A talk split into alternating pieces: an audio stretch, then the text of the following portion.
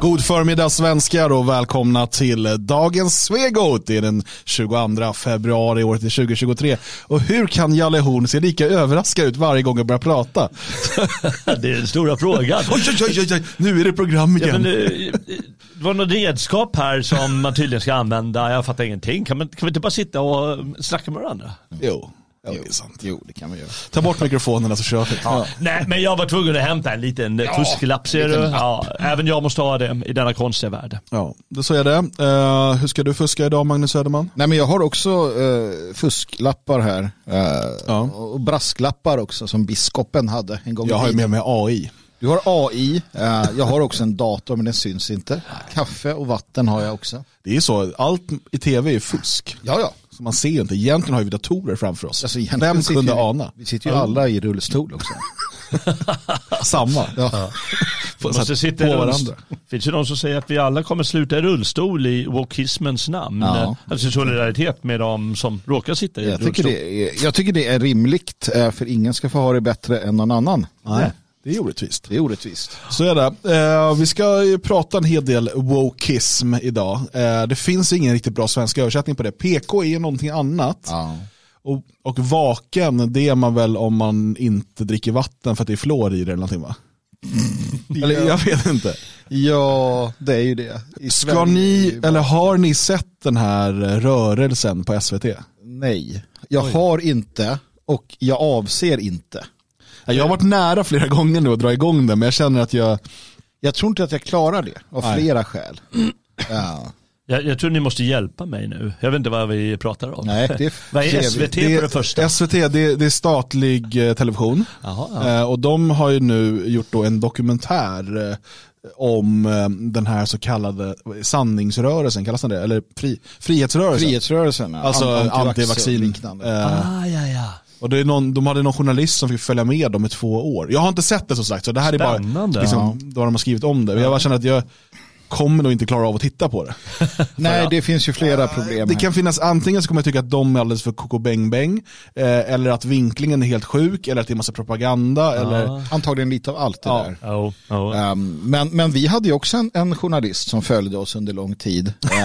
ja, just det, när vi en, precis hade grundat föreningen. Ja, en flicka i, eh, från Sveriges Radio var det va? Ja, hon skulle göra någon P1-dokumentär tror jag. Precis, um, och hon hängde lite med, med oss och sådär och jag gjorde mitt bästa för att ge henne material. Något, eh, något material. Va? Men eh, sen var hon och käkade lunch med dig vet jag och sådär och jag fick inte följa med på den lunchen. Ja, vi träffades i Kulturhuset i Stockholm och jag intervjuade mig där under mm. lång tid och hon var med på en sommarfest och sådär. Vi gav henne lite access som ja, ja, verkligen. Ja. Och hon gick ju runt och intervjuade medlemmar och sådär. uh, och det, det vi antar är ju att hon fick inte det material hon ville ha. Nej. Alltså och det där är så intressant med den här typen av journalister, att de går in och då har de ju bestämt sig för en vinkling redan. Mm. Mm. Och nu måste de bara få materialet som kan bekräfta den vinklingen. Oh ja, oh ja. De går inte in liksom, konsekvensneutrala och säger att nu ska, jag, nu ska jag betrakta det här fenomenet och sen berätta om det. Mm. Utan nu ska jag gå in och hitta det här. Mm, mm. Och så hittade de inte det. Och sen bara försvann hon. Hon, slutade ju, eh, liksom, hon slutade höra av sig. Så efter några månader, okej okay, vad händer nu? Är det någon mer som så, så här? Hon svarar hon inte. Nej. Jobbar hon ens kvar? Finns? Alltså... Jo, då, jo då, hon är kvar. Hon, ja. gör, hon har gjort massa andra dokumentärer. Ja, nej, men, men, och det man kan, den, den, den man ska veta det är att det material hon spelar in, det ligger ju sparat i någon mapp som heter ja, Det fria ja, Sverige. Just. Så att om det någon gång sker någonting som gör att de tycker att det är värt att prata om oss, så har de ju någonting att ta av där. Ja. Mm. Ja, det är fruktansvärt att det, det händer i tv och radio sådär som ska vara lite neutralt tycker man. Jag vet att det inte är så men jag tycker jag ser samma sak i, i forskning. Det är ju numera viljebaserat brukar jag kalla det för. Mm. Det är vad man vill ha för resultat. Det är det det handlar om. Mm. Och det gäller att pressa fram det på något vänster. Det är det, det, är svårt att säga. Det blir så tråkigt alltihop. Det blir så mm. grått det blir så genomskinligt. Det, det tråkiga tycker jag väl är att, att allt numera är opinion. Ja, det är. Alltså, ja, vi, vi, vi är ärliga med det, vi har varit det från dag ett. Vi är opinionsbildare, vi är propagandister om du så vill. Vi är inte objektiva. Um, vi, vi uh, försöker att, att vrida och vända på saker, men absolut, vi har, en, vi har liksom en underliggande uh, vilja i det vi gör. Va? Precis som Expo och andra. Eh, men en gång i tiden så fanns det en idé åtminstone om att, att viss journalistik skulle vara just konsekvensneutral och den skulle vara objektiv i, i möjligaste mån. Mm. Man skulle berätta om det som händer och sker eh, och lägga fram olika eh, liksom vägar dit för att läsaren skulle kunna få, få lära sig någonting. Men idag så har allt blivit opinion. Allt är opinionsjournalistik, liksom allt opinionstexter. Ledarartiklarna är liksom en vanlig artikel om någonting kan vara, det låter som en ledarartikel och liksom det, det är ju det vi ska komma in på också, hur det här påverkar hela kulturen och litteraturen och, och allting, för ingenting får stå i egen majestät, allting ska vara Uh, allting ska påverkas av någon tyckarjävel mm, helt mm, enkelt. Mm. Jag skulle behövas en Platon idag. Oh. Platon han uh, la ner större delen av sin filosofiska gärning just på att uh, gå emot det här doxa. Doxa betyder ju tyckande. Mm. Istället hitta vetande. Precis. Och, eh, och vi är uppenbart, då, då lever man i, enligt honom i sofisternas värld där i slutändan bara den starke mm. kommer att gälla. Och mm. det gäller att fatta för de här uh, wokisterna mm. vad de skapar i en värld där den starkaste rätten, det är den, den starkaste rätt gäller. Mm. Och då kommer de inte ha en chans. Då kommer de inte ha en chans, de kommer ju bara bli slaktade sådär. Ja. Mm. Det är små veganarmar. När de sitter där i sympatistympade ben och liksom bara, okej, okay, ja. ja, Jag, jag förvånas när jag tar del av wokismen och vad den har blivit på så kort tid. Eftersom jag har, under liksom hela mitt liv har jag fått höra att jag är den som vill bränna böcker. Jag är den som vill förändra liksom, eh vad som skrivs och sägs. Jag vill censurera och så vidare för vi är liksom nationalister eller fascister eller vad de nu kallar oss för. Och så inser jag att jag menar, hade jag suttit och, och, och, varit ansvarig för en nyutgivning av någon bok, jag hade inte ändrat ett ord. Mm. Jag hade inte gjort det, möjligtvis gjort det, ja, man, enklare att förstå. Ju, ja, man kan modernisera språket, ja. det är ju rimligt. Liksom. Men, men, inte ändra betydelsen av saker. Nej, alltså Nej. står det eh, liksom fetto, fast det står med H, någon gammal stavning, ja men då ändrar man det till modern stavning. Precis. Men jag byter ju inte ut det till Uh, Snyggo. Snyggo eller så här, ja, eh, fettutmanad. Vi ska kolla, kolla på det där, för vi ska titta på fler exempel Fan. nu på hur eh, wokisterna, och det är kanske ett för snällt och för snävt begrepp, för vi pratar här om hela egentligen så globalister från eh, liksom vänster och, och, liberaler och till och med liksom in i den, vissa delar av den så kallade konservativa rörelsen mm. som, som eh, arbetar på det här sättet. Och vi ser det framförallt slå igenom i akademin och forskningen och, och så. Och, eh, och nu ska vi titta lite närmare just på litteraturen och hur man attackerar den på olika sätt. Allt ifrån att skriva om och alltså ändra betydelsen liksom ändra innehållet till och med i böcker från döda författare. Mm. Det, är ju, det är ju gravskändning man håller på med, det är mm. likskändning. Alltså det behöver ju inte vara det. Jag, menar, jag sitter och läser uh, jorden runt på 80 dagar med min pojk och de här, uh, när de har gjort det till barnböcker så har de ju halverat böckerna ofta ja. och skrivit om det så att det liksom, ska bli läsbart och möjligt. Och i den boken jag har, där finns det till och med en brasklapp att ja, i den egentliga boken, där reser han inte med ballong. Men han har gjort det i en annan bok och vi tyckte det var lite snyggt att klippa ja. in det här här. Mm. Och det är ju en, ja men då, det är ju vettig brasklapp, inte en trigger warning. Nej. Utan bara, ja men vi har gjort på det här sättet. Så ja. att du vet det. Jo men det är en omskrivning av en bok som blir då en barnbok. Precis. Eller, de här ja, abridged versions och sådär. Den har ju ett syfte får man ändå säga. Och det är ju okej okay, som sagt. Men det är ju när du går in då och, och ändrar Uh, liksom på saker som kanske är detaljer. Vi ska ju titta på det. Mm. Det har ju varit här med Roald Dahl. Ja, precis. Och så ska vi titta också lite på, uh, när vi pratar om terrorstämpling, mm. det, det, vi pratar om där, det är ju att man, man i stort sett går och varnar för viss litteratur. Ja. Och då pratar vi inte om liksom Turners dagböcker, som förresten finns på logik.se. Det. det är inte den man varnar för, alltså den typen av böcker som man alltid håller på med, utan här pratar vi Shakespeare 1984, mm. Alltså standardverk i västerländsk litteratur mm. på många sätt. Eh, och som man då varnar för, för att de här kan ju få dig att tänka och sånt där, det ska mm. ni inte hålla på med. Eh, och så, så, det kommer vi titta på. Sen eh, till och med hur man går in i, eh, alltså vi pratar seriealbumen. Mm. Och liksom titta, nej men det här, och det har vi pratat med Tintin förut och nu ska vi kolla in i Kalle Ankas magiska värld och Ankeborg och ja, vad som händer där. Uh, varför är björnbusan, alltså svartmuskiga till exempel, det bör vi diskutera. Jag tror att vi ska ta med oss en Eller björnligan heter den. ja. Vi ska ta med oss en sak in i samtalet eh, från, vad hette han nu, Spencer va? Ja. eh, som har skrivit om det här och jag ska läsa. Inte Richard Spencer utan den andra Spencer. Ja, precis. Ja. Eh, han talar här att eh, han skriver så här, jag bara läser det, vi tar med oss det här, den här tanken in. The past, as they say, is another country. And as far as today's left's concerned, that will never do. It might give the lumpen proletariat the idea that there is some other way to think. Some other way to live. Och det är ju det som jag tänker att man bör ta med sig. Det är det de hatar och är rädda för. Ja. Att eh, en förståelse för vår historia och hur man pratar, resonerar, lever, andas då skulle kunna ge människor en idé om att vänta nu, det här jag lever i måste inte vara på det här sättet. Och därför så är det livsfarligt med allt som är oförändrat över tid för dem. Ja. Ja, nej precis. Så att det här ska vi eh, lite grann djupdyka i idag. Och sen ska vi fortsätta vår diskussion med kamrat Prutsson. Ja. som ju, eh, vi svarade på en av hans frågor igår och sen har det kommit en följdfråga eh, där han, eh, han säger så här. Men jag var mer inne på hur svenskar kan förhindra att bli i minoritet, om det ens är möjligt. Vilken väg väljer vi att gå? Och sen lite hur vi ser framtiden. Och det där tänkte vi ta då efter att vi har pratat om huvudämnet för dagen som då är attacken på litteraturen, kulturskymningen, terrorstämplingen utav, utav vår historia egentligen.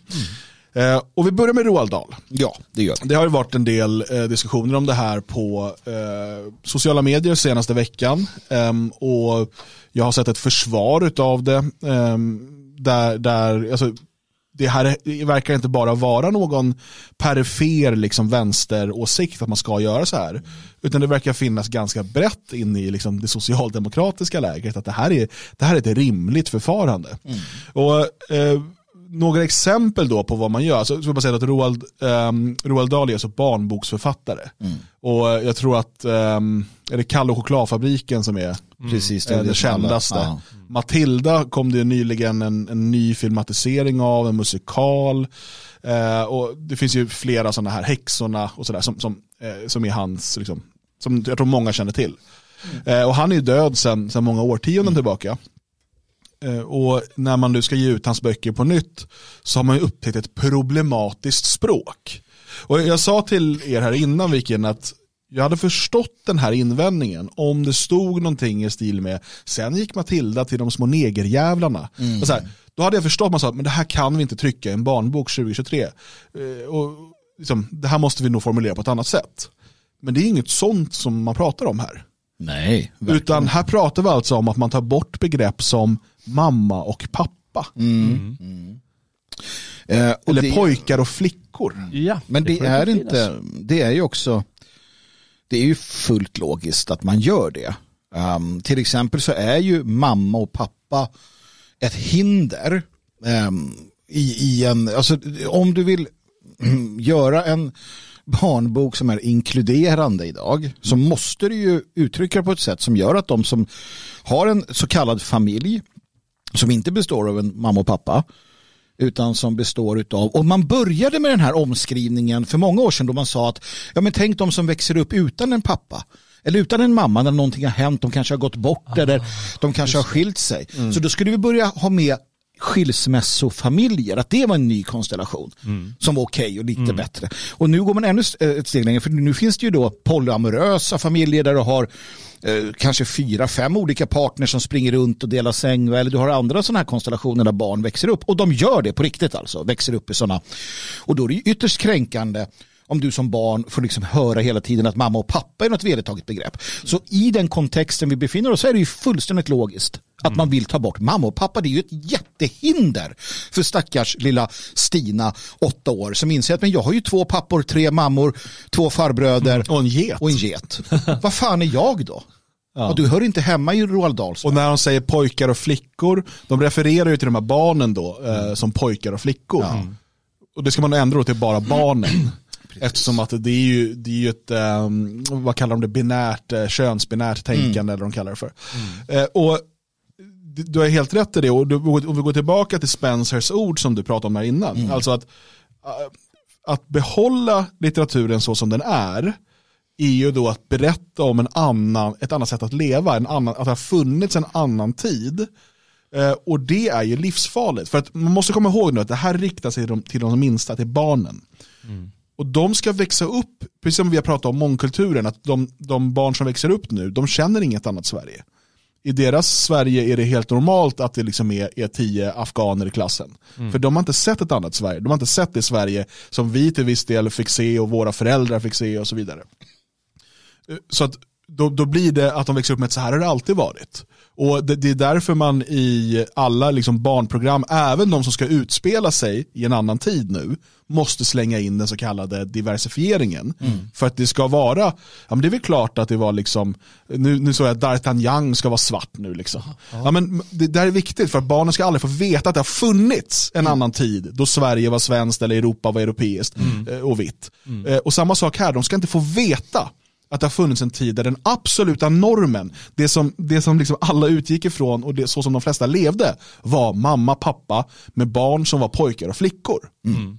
Det ska inte finnas. Det... För, att, för att den generationen, när de växer upp, så är de beredda att dra det här ännu längre. Ja. För de har redan tagit det steget då. De behöver, inte, eh, de behöver inte omprogrammeras när de är 20 att glömma bort den naturliga ordningen. Utan de har gjort det redan på dagis. Mm. Det är skrämmande där hur de eh, träffar både barnen och föräldrarna. För, för jag läste någon annanstans också eh, att en sak är att man vill uppfostra barnen och hela tiden har den uppfostran och triggar den uppfostran mer och mer. Men sen är det också att de vänder sig eh, till föräldrarna. Förlaget skriver här, eh, Roald Dahl-förlaget, att eh, eh, den här boken skrevs för många år sedan och därför granskar vi regelbundet språket för att säkerställa att alla kan fortsätta njuta av den idag. Man kan inte avnjuta den på annat sätt, bara så ni vet det. Va? Mm. Eh, men det är ju sådana här triggervarningar och så, det är ju bara föräldrar som läser det. Och vem är det som köper böckerna åt barnen? Jo, det är ju föräldrarna. Så förlaget vill ju sälja böcker till de här woka föräldrarna. Mm. Och, och de har ju blivit så skitnödiga och de har, blivit, har fått så ofattbart ömma tår därför att ideologin har fyllt deras sjuka mm. hjärnor så mycket att de de tycker att det behövs endast där. Så det är egentligen de man vill träffa för att sälja böcker. Ja, ja, jag tillhör och, ju... Och barnen då. jag, jag tillhör ju en, en, eh, jag vet inte, jag, jag, jag, är, jag är som jag är. Och till exempel nu, jag såg människor har ondgjort sig över bland annat så Marvel och deras uh, Black Panther och Wakanda och allt vad det heter. Uh, vilket jag tycker är helt orimligt. Uh, det, det, är liksom en, en, en de, det är en serie om ett svart kungadöme. Alltså det är inget konstigt, de får mm. göra som de vill.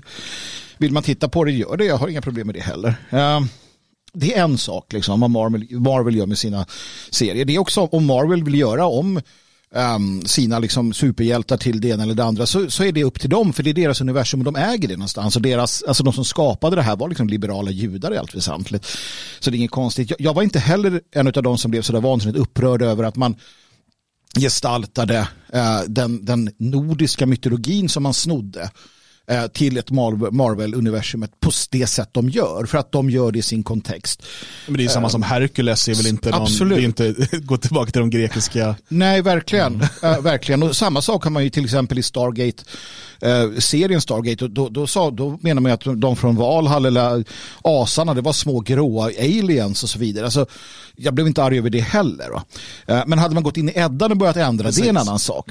Uh, så att jag tycker att det, det, det, är en viss skillnad på gammalt och nytt här. Uh, att ändra, alltså om en, om en modern barnboksförfattare skriver på det här sättet, det här woka sättet, så tycker jag det är vansinnigt. Men ur ett annat perspektiv. Uh, men, men det är liksom svårt att säga att han inte ska få göra det. Mm. Utifrån ett yttrandefrihets etc. perspektiv. Men att däremot gå in och ändra det är där det kommer. Till exempel, om, om du går in då och tar Arthur-sagan och säger att nej, men kung Arthur var egentligen homosexuell neger eh, och så vidare. Då gör du ett liksom, övergrepp. Det är ett övergrepp. Om du däremot skriver en modern riddarsaga där du liksom skriver att nej, men det var en homosexuell kung som var neger ja det är din fulla rätt. Va? Så att man måste se de två eh, skillnaderna tycker jag. Så att man inte bara rusar åstad och säger att allting måste vara på ett visst sätt. Så, för det blir ju tråkig litteratur om inte annat. Ja det blir det ju. Eh, men det är helt rätt. Jag menar, om inte annat så måste det få finnas någonting utanför den här världen som har eh, blivit som en Barbie-värld. Ja. Det får man inte glömma att ja, det, ska bli det ska vara rosa skimmer på allting. Och eh, alla inser att det är en värld man kräks över. Den blir de vill ju att den ska vara så bekväm och fin och god och allting för alla. Men den blir ju bara sockersött som man mår dåligt av. Den blir ju grå i längden och då måste man ha den här musten. Mm. Jag menar, när, när det inte får finnas de får inte vara skalliga häxorna Nej. i eh, Roald Dahls böcker. Precis, för det är en sak som beskrivs, jag minns inte exakt hur formuleringen är, men det är någonting i stil med att de rycker väl av en peruk eller något så här, och då ser de att, uh, att hon bara har peruk, hon är egentligen skallig under. Men Just det. Och nu måste man ju då förklara att, och då har man liksom lagt till ja. som så politisk pekpinne. Ja. Att så här, det finns många anledningar till att kvinnor kan bära peruk och det är inget fel med Nej, det. Det är inget mm. fel. Och dessutom så får ingen vara en tjockis. Nej. Det får man ju inte vara. Och jag menar, hur blir världen om det inte finns några skalliga, om det inte finns några häxor? Tänk om det inte finns några häxor som har vårta på näsan eller vad de Men... nu har. Tänk om det inte finns människor, äh, häxor utan fingrar. Tänk om det inte finns tjockisar. Tänk om det inte finns någon skillnad alls mellan någon människa. Jag menar, var är vi då? Jo, då är ju allt grått. Och det här är ju trots att den räddning som finns kvar. Det är de gamla barnböckerna eller den gamla vuxenlitteraturen. Men jag också undrar hur man tänker. För att eh, Augustus Gloop då, som, som det handlar om i Kalle chokladfabriken, han, han, kallas då utav eh, Roald Dahl för, för fet i den mm. svenska översättningen. Mm. Det kan ju bero på arbetet. men men det, det, man ska ändra till, och jag tänker så här, okay, om du är en fetlagd man eller pojke, mm. och så säger man nej, Uh, vi säger att du är det Dan, du är. Vi säger, vi säger det. det. Ja. Så säger jag så, oh, men det, Dan han är fet. Uh, och Dan blir jätteledsen då. Så säger vi, då måste vi ändra det. Och då gör man det här i bök, böcken, i boken.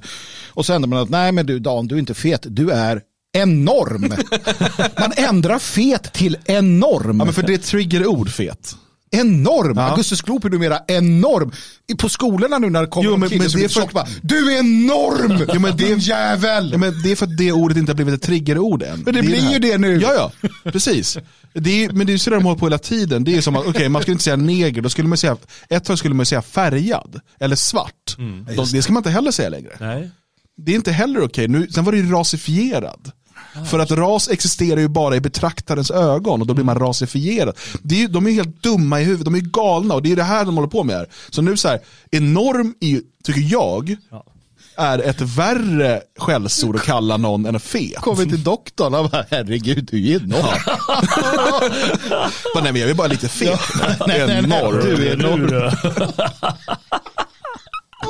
ja, men det är klart, det slår ju bakut. Och det är ju samma när de förbjuder, vill förbjuda eller ge sig på 1984 eller ja. något sånt.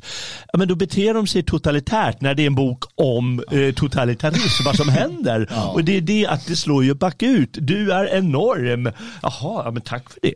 Mm. Nej, och det du nämner här, vi kan väl liksom gå vidare och titta på fler exempel då, för det här med Roald Dahl, ja det, det är jätteintressant och då, har man då skriver man om i de här barnböckerna eh, i, i, vissa nya utgåvor. Ehm, eh, men, men, låt oss titta på eh, det här, eh, det, det, är alltså någon typ av ehm, myndighet. Mm. Mm. Som då ska arbeta med, med kontraterrorism. Mm. Innan vi tittar på det kan jag bara ja. få läsa som inledning, ja. för jag tycker det här är så fantastiskt. Vi, vi måste spara det för eftervärlden. Ja. Um, det är nämligen som så att en, en herre som hette han, hette, han skrev 1984 en bok. Ja, uh, han kallade sig George Orwell. Han kallade sig George Orwell. I den så tar han upp en del aspekter av ett totalitärt samhälle. Va? Mm. Och han skriver där, och då, då är det då hans karaktär Winston Smith som säger, han jobbar på sanningsministeriet som någon, någonting. Han håller på att skriva om historieböcker, mm. han bränner, kastar saker i minneshålet och sådär. Precis. det är roligt. Uh, och han skrev så här, så här, så här säger Winston Smith. By 2050, earlier probably, all real knowledge of old speak will have disappeared. The whole literature of the past will have been destroyed. Chaucer, Shakespeare, Milton, Byron, they'll all exist only in new speak versions, not merely changed into something different, but actually changed into something contradictory of what they used to be.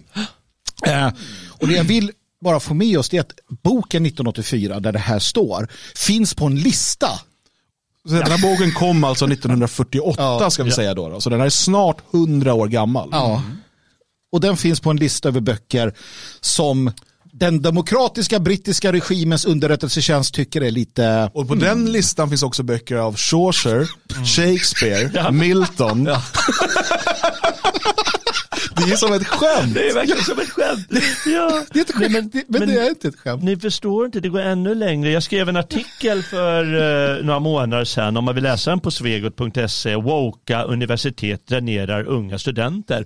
Och även på universitetsnivå tar man upp och triggervarnar om den här och vill egentligen inte att det, studenterna ska läsa den. Just för att eh, de, den här böckerna, eh, bland annat 1984, eh, det finns eh, våld, det finns kön i den, det finns sexualitet, klass, ras, sexual abuse, det finns politiska idéer. alltså fattar ni vad jag frågar. Det finns politiska idéer i Ja, det. Alltså det är helt otroligt. Jag menar, men förstår inte, nej, det, det, det, det går för långt någonstans. Men det är dit vi har kommit. De gör en lista på det här, vad var det, eh, den här eh, institutet. Ja. Och den listan är ungefär kopierad från 1984. Ja. Plus 1984 är med då också.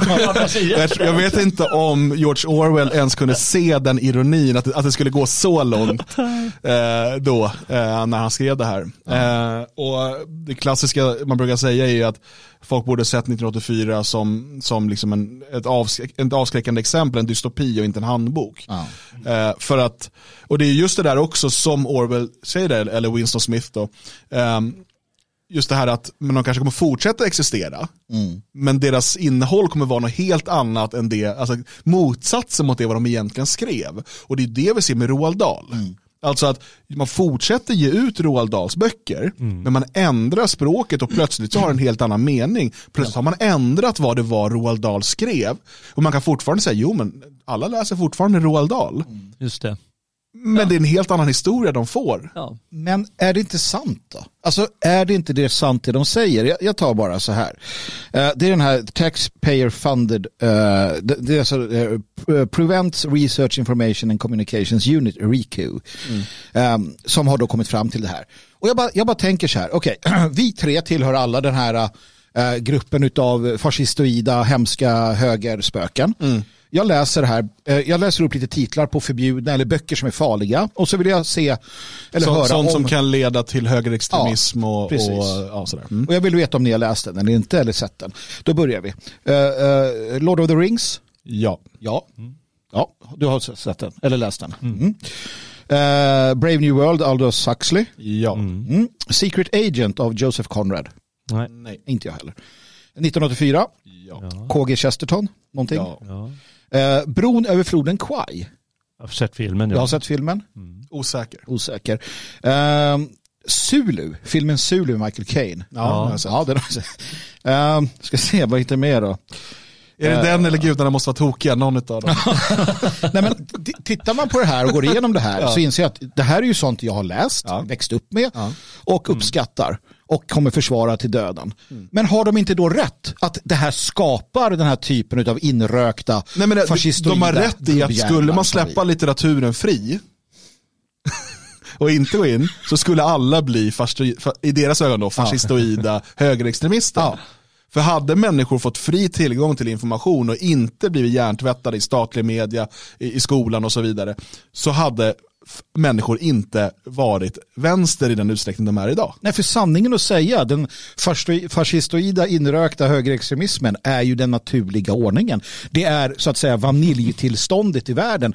Hierarkier, ordning och reda, människor gör det de ska enligt sina, liksom, det, de upp, alltså det, det, de, det, det de kan och så vidare. och så vidare. Det är ju faktiskt vänstern som vill förändra allting och säga att allt är en social konstruktion. Det är ju de som alltid är eh, revolutionen, de är alltid så kallat progressiva etc. etc. Ah, Jag vet inte om jag eh, helt kan hålla med om det. Men om man tar, om man tar det finns så mycket litteratur som Shakespeare var ju på bilden här. Där, alltså det är ju kaos i världen. Det är så fullt kaos som han beskriver. Och många andra eh, författare, Lord of the Rings, det är ju fullt kaos i världen. Så vill de bringa dem i lite ordning sådär givetvis. Men, men det är som ett tillstånd som finns där hela tiden. Och eh, det vill även den här woke-vänstern vill ju bli av med det. Det får inte existera det minsta eh, kaos eller någonting i världen. Ett naturligt tillstånd. Eh, och, sen är det klart att eh, de reagerar givetvis när Lord of the Rings eh, bringar ordning. Det gillar de inte heller, Nej. den här vänstern. För det är fascistoid som du säger. Mm. Men det går ju längre än så. Och nu blir det lite roligt också för de som kanske inte har läst de här gamla äh, böckerna då. Som inte är så gamla. Men jag, jag skrattade väldigt mycket åt att till exempel då äh, House of Cards. Mm. Är liksom, nej, nej, nej, nej. Och mm. det är ju en väldigt, den är ju nu, det är ju en bok från början. Uh, eller en serie, jag vet jag inte. Jag tror att det är en israelisk serie från början. Ja. Uh, om jag inte minns fel. Och sen gjorde de en amerikansk version av den med Kevin Bacon va? Nej, Kevin, Nej, Kevin Spacey. Spacey. Ja. ja. just det. Och, och, sen kom det fram att Kevin Spacey som då är eh, homosexuell, ja. att han hade varit homosexuell med, med någon yngre pojke. Lite för unga ja. pojkar som uh, kanske inte riktigt ville. Nej, Nej, precis. Men det var ett undantag. I hbtq-bögvärlden hände det aldrig. Nej. Och då män gör inte ställde man ju liksom in den där serien och han försvann ur den och nu ska man inte se den överhuvudtaget. Mm. För att det är, man ska, får inte se någonting där Kevin Spacey är med. Nej. Mm. Och, eh, du, du är ändå litteraturkunnig. Eh, Canterbury Tales och Chaucer, vad är det för någonting? Ja, det är en eh, serie berättelse på vers. Där, inte från 1200-talet? När de ska genomföra en pilgrimsfärd. ja, men inte det typ 1200-tal, 1300-tal? Ja, 1300-tal. 1300-tal. Ja. Sen har vi eh, filmen The Dam Busters som jag vill minnas är en film där man ska döda nazister. Eh, från 50-talet, en krigsfilm. Ja. Den är inte, eller det är en bok också, icke. Men det är kanske to toxisk maskulinitet i den. Tinker Taylor, Soldier Spy, eh, Le Carre, eh, spionroman, finns ja, också som film. Det är en svensk som regisserade, det var väl Alfredsson som... Fascist ja. Alfredsson. Ja, ja. Fascisten där. Han var ju vit för guds skull. Ray Mears, Bushcraft Survival. Den ska du inte titta på heller. Men det roligaste av allt, det absolut roligaste av allt, uh, är att BBC's Great British Railway Journeys presented by former conservative minister Michael Portillo finns på listan. Vad hette den? Uh, Great British Railway Journeys av BBC. Ja. Den, alltså det, det, handlar om att man åker tåg i Storbritannien. Den finns på listan. Ja. Ingen vet riktigt varför. Ja, men det, finns, det är säkert att de säger något ord som man inte ska säga eller något. Kan vara det. Eller att typ tåget åker in i tunneln. ja, det är penetrationsnormativt. Sånt där, det, det, kan ju finnas. Jag vet inte vad det är, men någonting. Nej, men är det inte, är det inte samma sak som vi tog upp igår?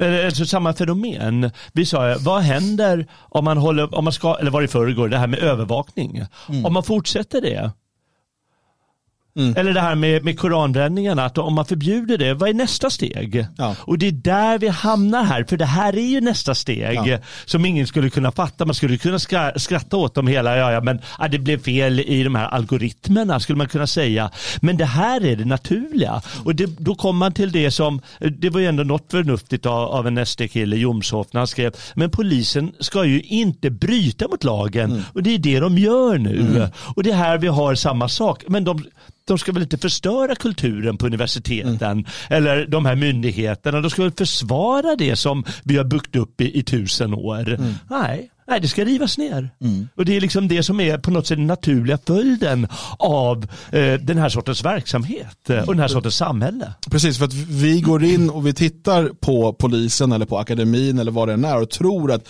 men de är där för att upprätthålla lagen, så borde det vara. Akademin är där för att liksom kultivera liksom det som vi har byggt upp under tusentals år och, och fortsätta utveckla det.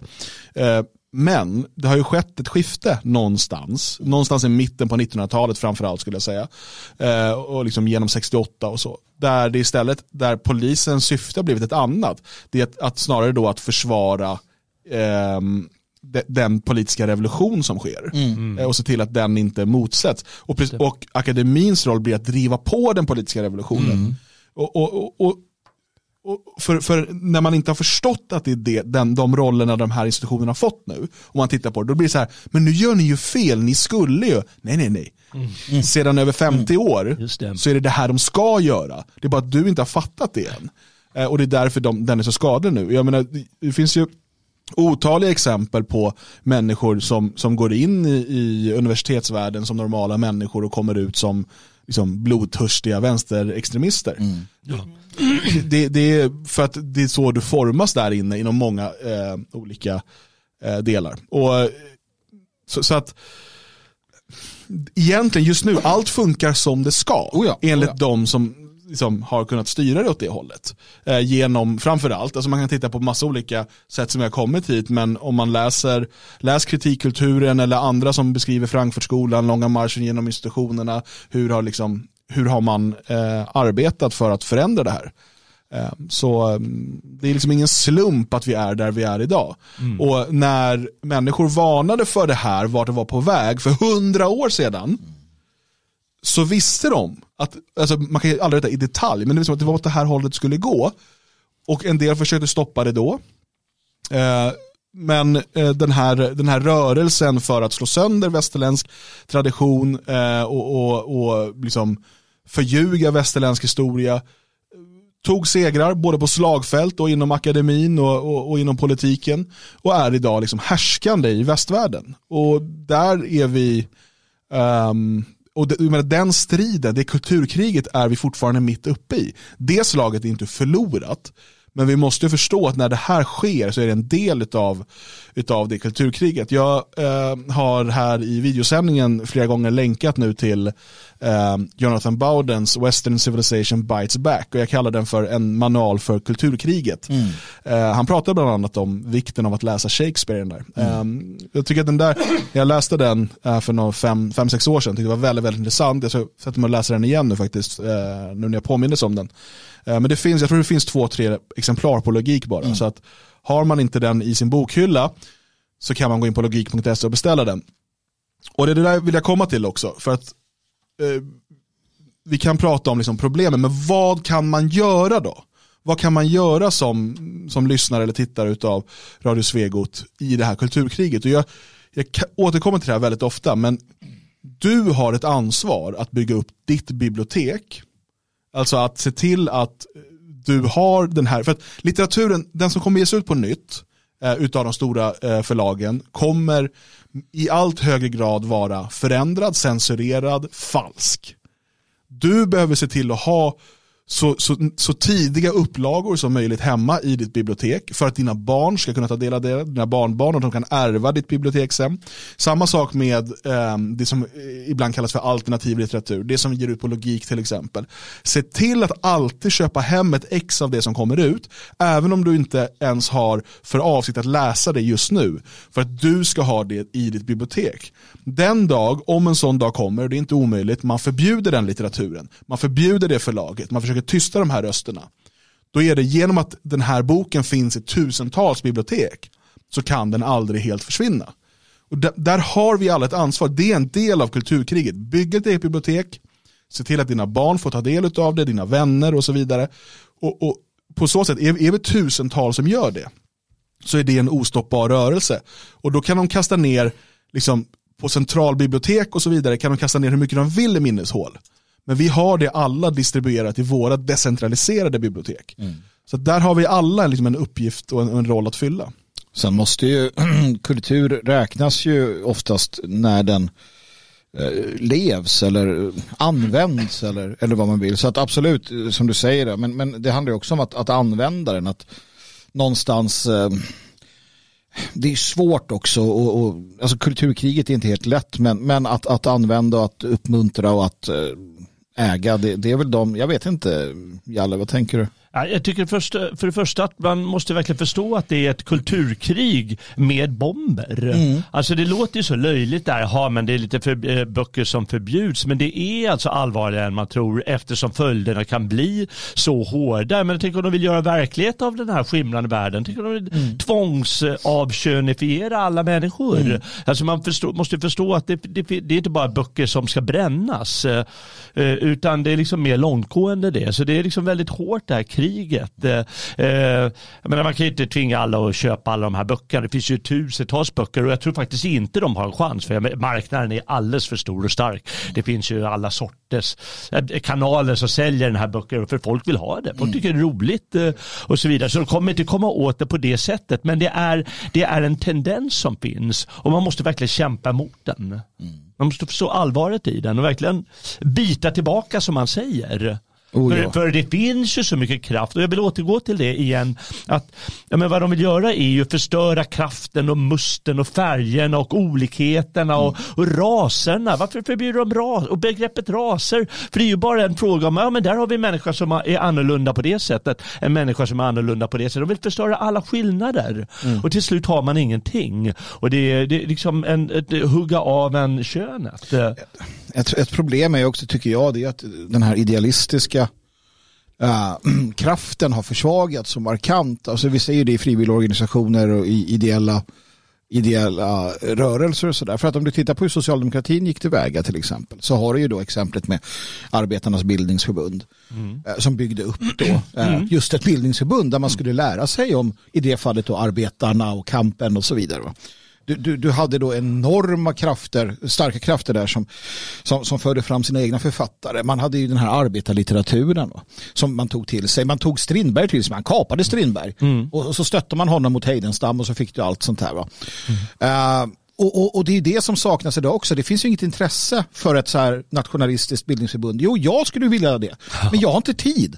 Varför finns det inte fler där ute som drar igång den här typen av projekt som man ja. gjorde under arbetarrörelsen. Då var det agitatorerna ute. Då hade vi de här, det, det dök upp inom ramen för en bred Jag vet att eh, det, det Fria Sverige Skåne, de har ju arrangerat en läs, eh, bokcirkel, eh, studiecirkel, vad man nu vill kalla det. Det, det är ju som ett första frö till sådana saker. Mm. Mm. Och det här kan man ju göra runt om i landet. Se till, för det blir också roligare om man kanske har svårt att komma igång med läsning eh, att läsa tillsammans. Alltså man läser ja. ju själv men sen träffas man och mm. pratar om det man har läst och mm. diskuterar utifrån det. Det blir ju mycket roligare om man, liksom, istället för att bara sitta själv på sin kammare. Mm. Eh, och Det kan ju göra digitalt också. Man kan ju ha liksom ett, ett Zoom-möte eller någonting en gång i veckan eller månaden eller vad man nu hinner med. Eh, och det där är ju liksom, och där uppmanar vi ju människor att liksom ta tag i sånt där man bor. Och man kan ju organisera det via det fria Sverige om man, om man så önskar, för där finns det ju en en infrastruktur. Mm. Um, vi har ju varit på gång uh, med att också starta upp vår, det vi kallar för akademi. Mm. Um, men på grund av liksom tidsbrist och allt som vi har varit tvungna att fokusera på annat så har vi lagt det på is. Mm. Men det är sådana saker som finns liksom, att göra mm. inom strukturen för det fria Sverige. Mm. Och är man intresserad och vill engagera sig så finns det alla möjligheter att ta tag i det. För att det är egentligen, det är mycket förarbete som redan är gjorts men där det behövs människor som kan, som kan driva det, som är drivna och intresserade. Mm.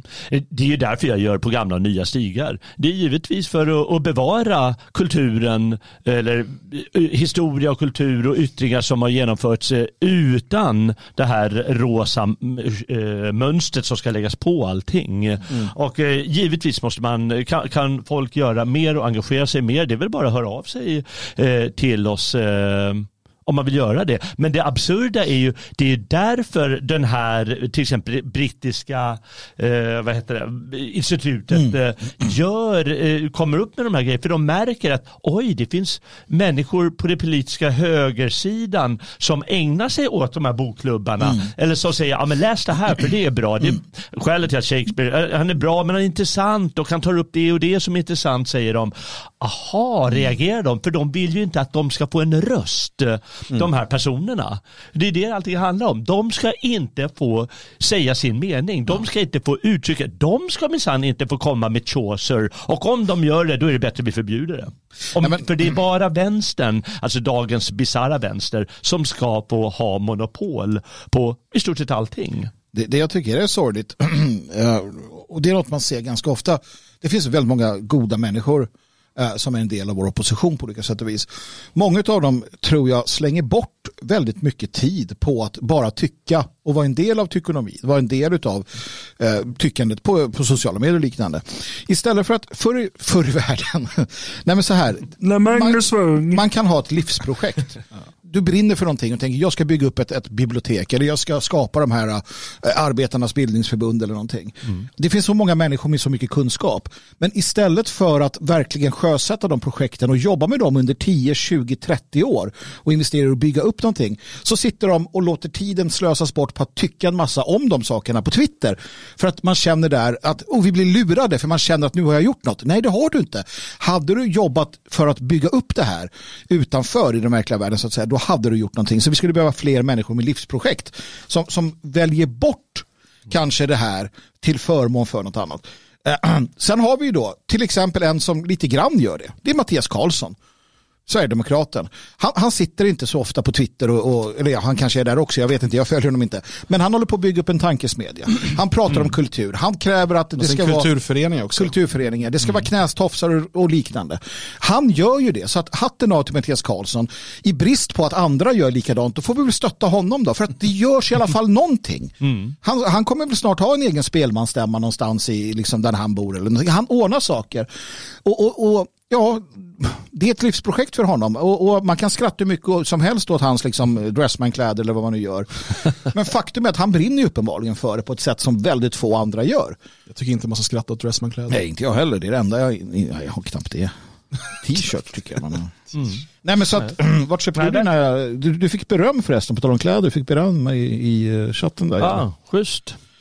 för din det- klädstil. Anti-t-shirt-mannen ja. kallas jag. Ja, jag ska nog, Man eh, och anti-t-shirt-man. Jag har slutat bära jeans sen två år tillbaka, men jag kanske ska... Jag har precis börjat igen.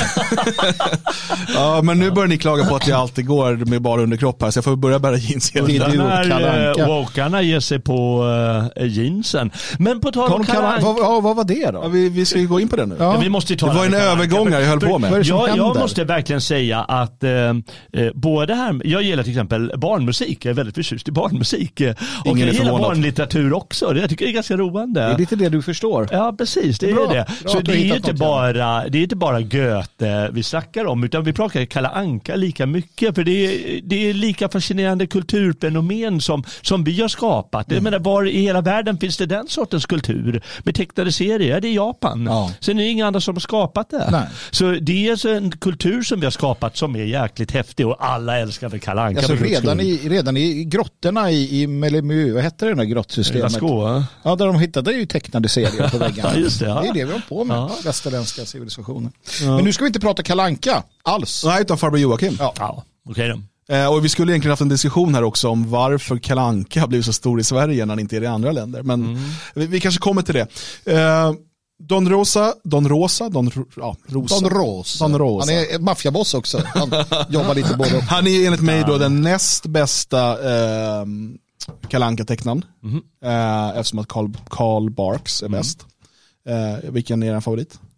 Eh, Jag kan inte uttala mig så. Jag, jag är inte så... Ta ställning exakt, nu. eh, Att ta ställning, då säger jag väl Karl Barks. Jag har samma Don, hemma. Jag måste säga att Don Rosa är överlägsen Barks.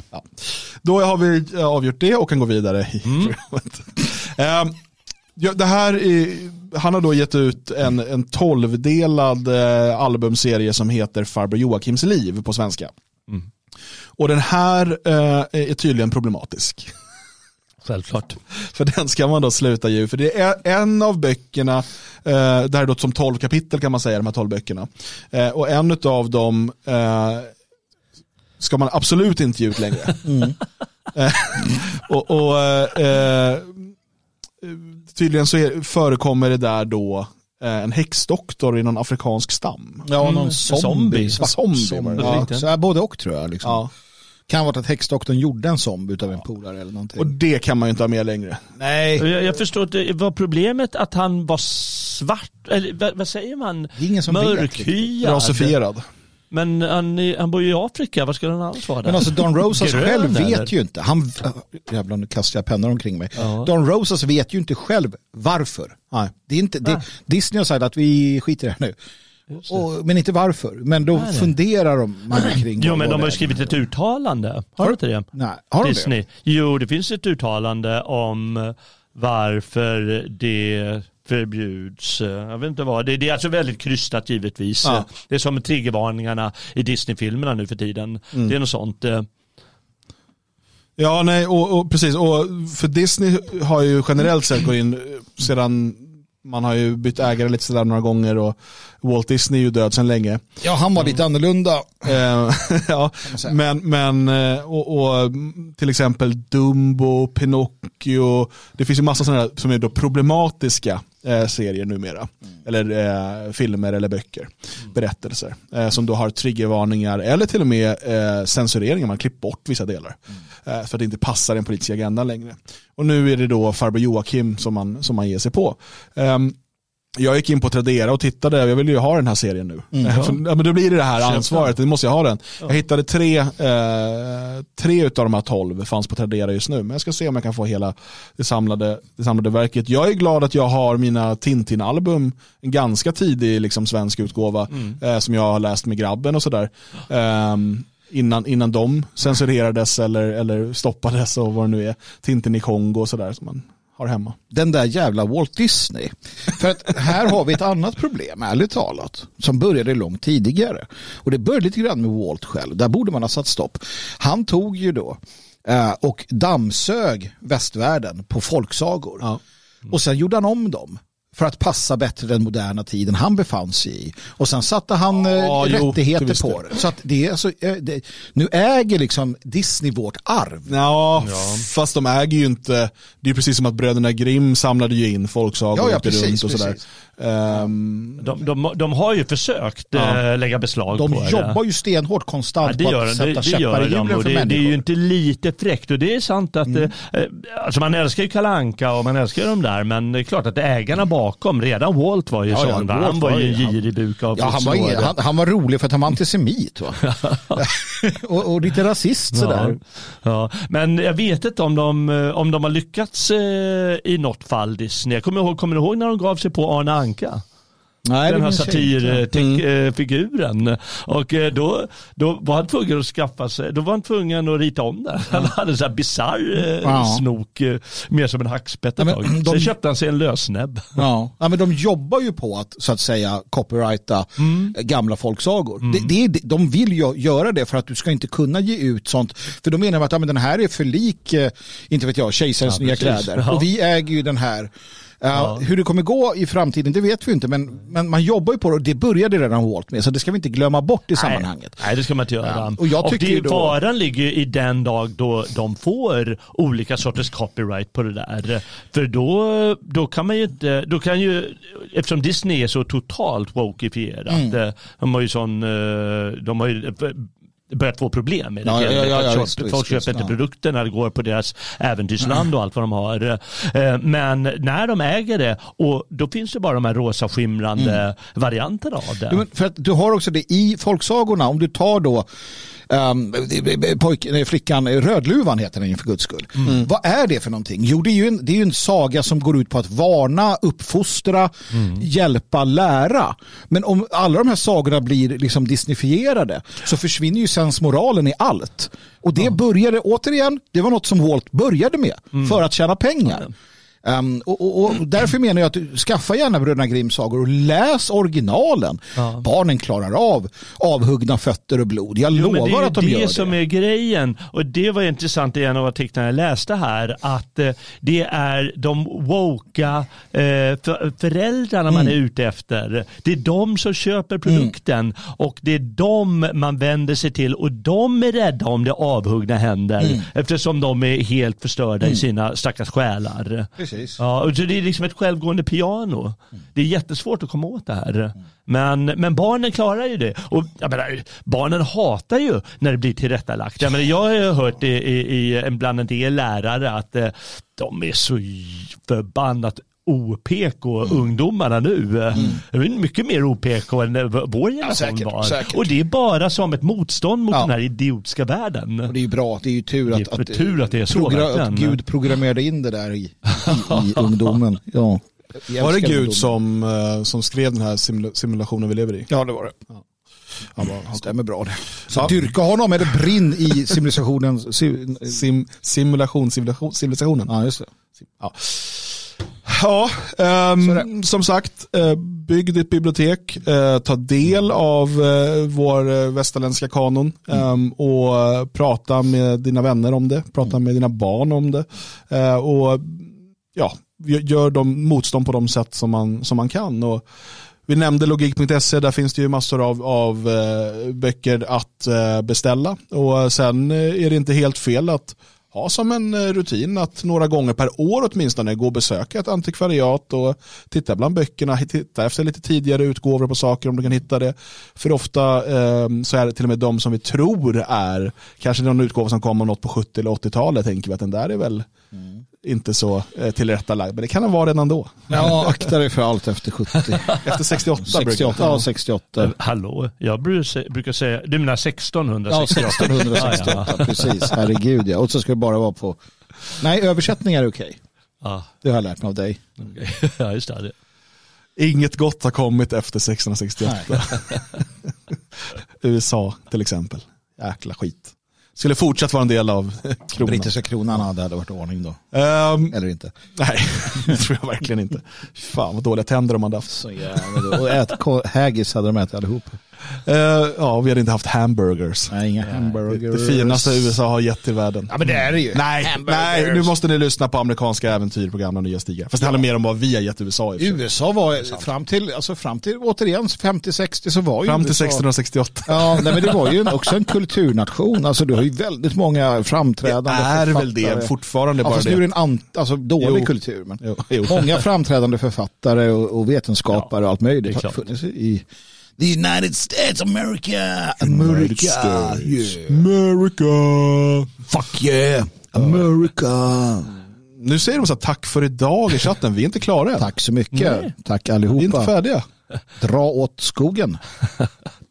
Ni, ni kan inte, de, de, De är- tror att vi är färdiga. Det är på Ja, det- beting. De är som Pavlovs hundar. Nu vi ska gå, äh, gå Det är nu det börjar. Nu det börjar. Kom, nu det börjar. Kompis, Nu kör vi. Mr. Häng kvar, lägg inte på. Pruttman. Nu ska vi prata om Pruttman, nej Ja. Prutsson. Pruts. Inte Pruttman. Kanske inte engelskt, att han heter Prutz. Michael Prutzen. Jag tänker vad han heter, Prutzen. Prutzen. Han bara, why do they make fun of my name? Han skulle heta Dick. Dick Prutzen. Dick Prutzen. I'm only eating pretzels. Så sjukt att, Pretzels. varför har de Dick som förkortning? På Richard. Vet de inte vad det betyder i USA? Eller? Men jag drog i det skämtet, kommer du ihåg det? På scen här när vi hade besök från Storbritannien. Ja. Att jag inte förstod. Så Och de såg såg ut som frågetecken och frågade inte vad är problemet. He's a dick. Okej. ja, ehm, svenskarna skrattade i alla fall. Vi tyckte det var kul. Han sa sitt snopp. Vi svarade ju på en fråga från Mikael Prutsson igår. Michael Prutzen. Michael Ja. Prutzen. Eh, och eh, han var nöjd, eller han var glad med svaret men inte nöjd. det är ungefär som, som min fru brukar säga. Jag är glad att jag har det men jag är inte nöjd. Eh, han säger så här. Tack Svegot för att ni tog er tid att svara på mina frågor. Som sagt, formatet här lämpar sig inte för längre resonemang, alltså kommentarformatet. Bra redogörelse från er. Tack. Men jag var mer inne på, det, det, här, det han gör, det är att han så smeker en lite, sen bara bang! Precis. Det var en bra redogörelse, men det var inte det här jag ville ha svar på. Men jag var mer inne på hur svenskar kan förhindra att bli minoritet, och om det ens är möjligt. Vilken väg väljer vi att gå? Ser ni framför er små svenska enklaver eller går folk i exil? Så, eh, Magnus. Ja, jag, här får man ju också tycka lite själv då. Jag säger så här, jag tar det här järnpillret. Det var ju poppis för några år sedan i piller. Jag tar järnpillret som säger att nej, eh, svenskarna kommer inte kunna förhindra att bli i minoritet. Vi är redan i flera ålderskategorier i minoritet. Så jag tog pillret. Det här kommer fortsätta neråt. Vi kommer bli en minoritet. Vi kommer bli en stor minoritet till en början, men vi kommer minska. Eh, och eh, det är en, en sanning du måste ta till dig och allihopa. Vi kommer inte kunna ändra på detta. För att ska vi ändra på detta med den, den demografiska utvecklingen så ska det typ imorgon ske en revolution som direkt leder till en enorm eh, deportation och återvandring och, och, och liksom med våld folkfördriva eh, hundratusentals eh, människor bort från Sveriges gränser.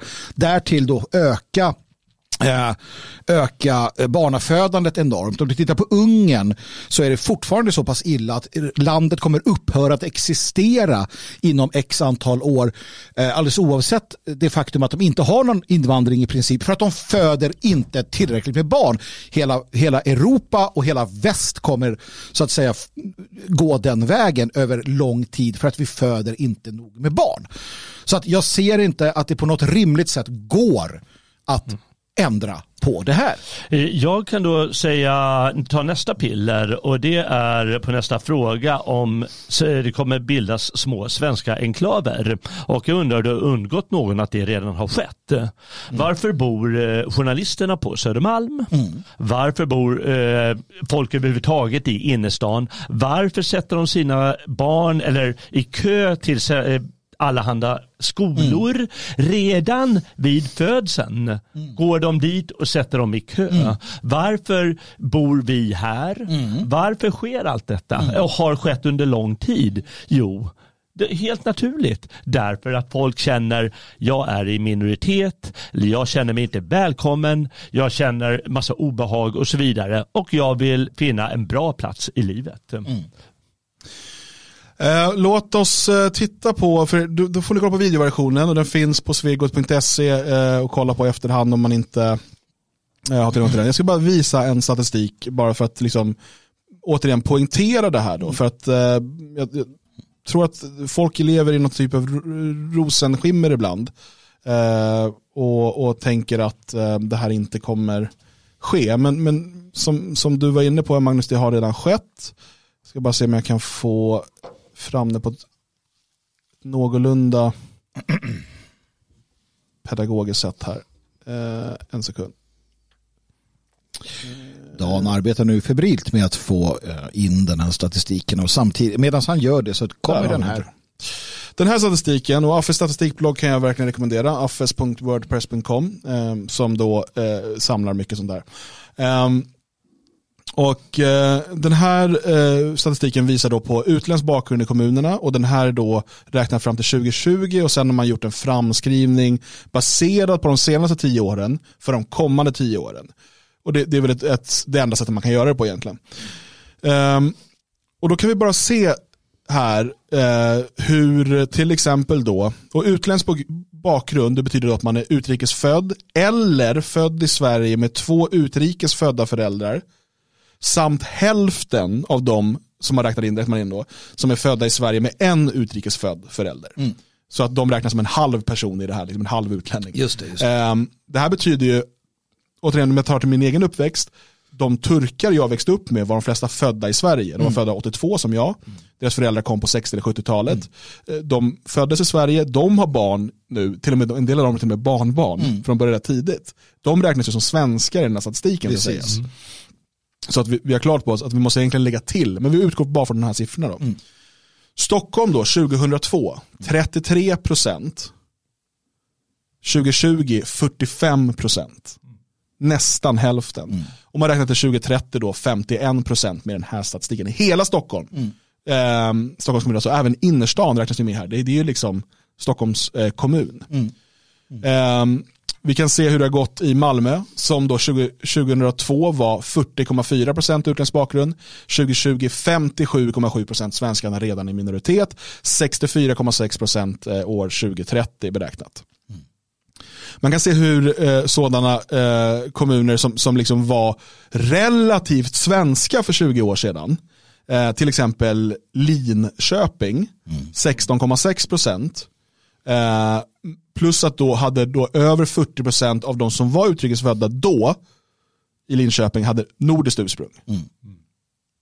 Så är det inte längre. Majoriteten, mer än, mer än, mer än 60% av de utrikesfödda har icke-nordiskt ursprung nu. Eh, och idag så har det gått från 14,3 till 24,2%. Alltså där Uppsala var 2002. Mm. 2002 hade Uppsala 24,2%. Idag har Uppsala då 39,6% ganska lätt att se vart är då Linköping på väg. Det här är, det här är liksom bara matematisk visshet. Södertälje 44,5% 2002, 69,3% 2020, 82% 2030.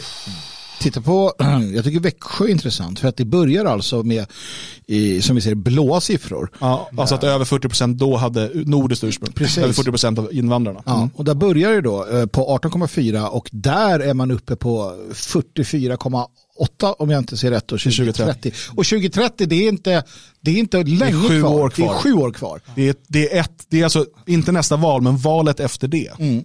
För er som tror att ni ska ändra det här genom att rösta bort det. Ja. Ja, precis. Så, så är, är det inte så. Det går inte. Alltså, och det är det jag menar, det här svarta pillret.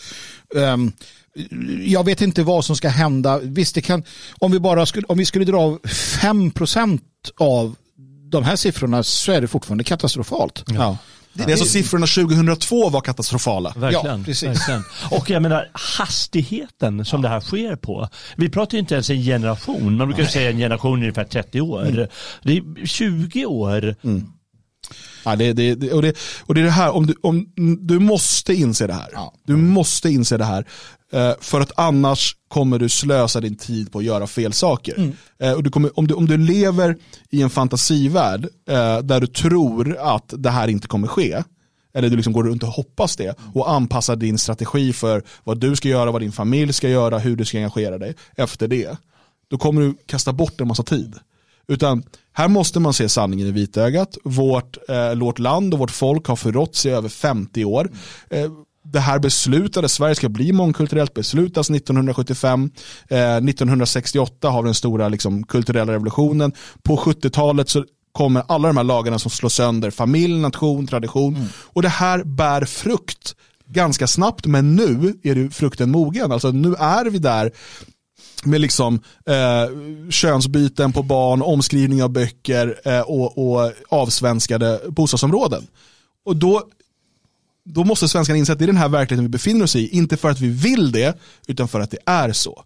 Och då är frågan, kommer svenskar då att liksom skapa svenska enklaver. Ja, som du är inne på Jalle, de gör det redan idag på olika sätt. De som har råd gör det i liksom, så att säga, rika kvarter. Och det är klart att det finns en och annan liksom, integrerad, framgångsrik iranier eller vad det nu än är där. Det är inte det det handlar om här, utan de kan leva i ett tryggt och svenskt område. Eh, andra svenskar som kanske inte har de resurserna eh, flyttar ut eh, på landsbygden där vissa delar fortfarande är liksom väldigt orört på det här sättet. Eh, och vi som är liksom, eh, ska man säga, liksom engagerade på ett annat sätt och inte bara gör det här undermedvetet. Vi försöker ju skapa de här områdena, mm. till exempel här i, i norra Skaraborg med, i Elgarås med omnejd. Men vi pratade ju om det här igår och vi pratade om det här med städer och landsbygd och så. Och här ser man ju tydligt att om, och det här måste du liksom bara köpa och, och, och erkänna då att eh, om du väljer att så här, nej jag tänker vara kvar i Växjö, jag tänker vara kvar i Stockholm, jag tänker vara kvar i Göteborg. Då väljer du för dig själv och din familj och dina barn att vara kvar på en plats där du kommer vara en, en av många minoriteter. Och så är det bara. Mm. Inom ett par år. Troligtvis är det redan så.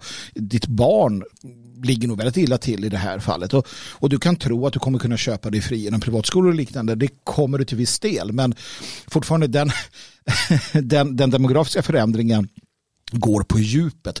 Vi pratar hur, hur infrastruktur, eh, eh tjänster, alltså det, posten och allt vad det kan vara, hur det påverkas rättsväsende och liknande. Um, så att du får göra det valet, absolut. Uh, jag skulle inte för min själ göra det valet för mig och, och mina egna naturligtvis. Um, men, men, det är som det är. Liksom. Uh, men det är viktigt att förstå att det är just så och att, att det här kommer att stå bakom, bakom, bakom knuten. Liksom. För att eh, det betyder i sin tur att, att vi måste göra vissa saker. Och ehm, det är klart att vi ska fortsätta eh, driva politik. Vi ska fortsätta ha en politisk röst. Jag tycker att det är bra att man fortsätter i Sydafrika att ha en politisk röst. Det är 50 miljoner svarta och 3 miljoner boer. De kan aldrig vinna ett val. Mm. Men de har en politisk röst, det ska vi också ha. Men, men vi måste förstå i vilken kontext vi sätter den politiska rösten, ett parti då till exempel. Eh, men sen handlar det om det vi har varit inne på så många gånger. Det handlar om det vi gör här till exempel, men också då eh, ett, ett, en egen version av att bevara vår kultur, eh, arbetarnas bildnings, nationellt bildningsförbund. Alltså allt det här som systemet inte kommer ge måste vi skapa själva. Och där finns det mycket att göra förutom att twittra. Mm. Ja, nej så är det. Så jag, jag vet inte, svarade vi på frågan nu? Uh, ser ni framför er små svenska enklaver eller går folk i exil? Exil, jag vet inte, det är klart att det är svenskar som flyttar utomlands, men det, jag tror inte vi kommer se någon stor massrörelse. Uh, i, jag tror att är det Arthur Kemp som skriver Nova Europa. Mm, jag tror att det är det, ja precis. Um, och där skriver han, han har ju en vision då om att det är det här, han är visserligen inte amerikan, men det är ett väldigt amerikaniserat sätt där med vita. Liksom. Mm. Men han ser i stort sett att vi på något sätt ska, eh, att liksom vita människor från västvärlden ska flytta ut i Östeuropa någonstans mm. och bygga ett nytt, ett Nova-Europa. Mm. Att det blir en överlevnadsstrategi. Det finns, det, jag har hört andra som har förespråkat det här. Det är inte omöjligt att det blir en sån rörelse i framtiden. Nej. Um, att man då, och han skriver i och för sig i den också att man i den här Nova Europa även då kommer ha liksom olika europeiska folken mm. och man kommer ha olika delar som är för eh, skandinaverna och för liksom, fransmännen och sitt och sådär. Mm. Uh, Och, och, och, är det omöjligt att blir så? Nej, eh, men jag, jag ser det som på ett betydligt, eh, alltså om, om vi inte gör arbetet rätt, det vi kan göra nu, mm. för att kunna på sikt då också återta det som, som är vårt land och så vidare. Eh, om vi inte gör det arbetet rätt så kommer det förmodligen kunna bli en verklighet ännu längre fram i framtiden. Mm. Eh, I eh, liksom andra visioner pratar ju om att kanske eh, bygger vi Nova Europa på en annan planet. Mm. Eh, vem vet, men, men, men det är ju sådana saker vi kan, vi kan skriva om och vi kan fantisera om och skriva liksom bara skönlitterära verk mm. och det. Men det är ju ingenting vi kan jobba efter här och nu. Utan vad är det vi kan göra här och nu för att skapa bättre förutsättningar för att ens kunna bygga det vita rymdimperiet mm. i framtiden. Eller det nya Europa i Sibirien eller vad tusan det nu är någonstans. Först måste ju förutsättningar skapas här och vi måste ju dels då som du säger bildningsförbund eh, och liksom bevara och utveckla kultur och språk, eh, identitet, alla de här sakerna och hur gör vi det på bästa möjliga sätt? Vi vet ju också hur det kommer sluta. Um, det har Parcellus redan eh, förutspått i en profetia från eh, tiden för det 30-åriga kriget. Då han konstaterar att hela jorden kommer sjunka ner i ett mörker. Hela jorden. Eh, och det är bara en liten, liten folkspillra i det yttersta Norden som kommer att finnas kvar som de ljusa. Som kommer att slå tillbaka denna mörka fiende och, och, befria världen igen. Um, det var en, en, bland annat en, en profetia gällande Gustav Adolf den store och hur han då Lejonet från Norden. Precis, lejonet från Norden slog tillbaka den katolska invasionen. Men, det det, är det inte den tyska Löwe de Mitternacht? Löwe de Mitternacht, precis. Mm. Men det är också en fortsättning. Profetian har ju en fortsättning som, som också handlar om hela världen som faller i mörker och den, vid den yttersta Norden så kommer då lejonet från Norden fortsätta finnas kvar. Det, det är så det är. Alltså, det är precis som, som vi vet då, att, att allt, allt gott kommer från nord. Um, och det är så det kommer sluta förr eller senare. Så att jag är inte, jag inte, alltså det kommer vara a, a bumpy ride. Men det gäller ju att hela tiden fokusera på vad kan jag göra här och nu med mina händer och med mina, liksom, vad kan jag bygga, vad kan jag skapa som de facto blir kvar till eftervärlden. Det, det tror jag är liksom det, det centrala. Och naturligtvis också skapa system uh, i Eh, på internet. Alltså det här vi pratar om det med krypto, vi pratar om liksom det, det decentraliserade nätet. Allt sånt, det är också ett sätt att skapa varaktighet över tid för att det här är en integrerad del av vår verklighet. Mm. Så Kamrat Prutsson, jag hoppas att du känner att du har eh, fått svar på din fråga. Annars får du fortsätta kommentera så får vi se vad vi kan ta det vidare. Eh, om du har några frågor eller annat vill vi ta upp eller saker vi ska testa på våra fredagar, för det har tydligen blivit en grej nu att vi testar saker på fredagar, mm. Eh, så kan du enkelt mejla kontakt eller skriva i kommentarerna på svegot.se, på YouTube eller på Spreaker så försöker vi hålla koll där. Men nu tackar vi väl för idag och är tillbaka redan imorgon. Det. Redan imorgon klockan Härligt. 10 så är Dagens Svego tillbaka eh, och då sänder vi live som vanligt. Går ni in på logik.se, beställ ett gäng böcker, bygg ditt bibliotek, var en del av kulturkampen så ja, ska vi nog få ordning på det här. Och läs Kalanka. det är politiskt inkorrekt. Ha det bäst så hörs vi snart igen.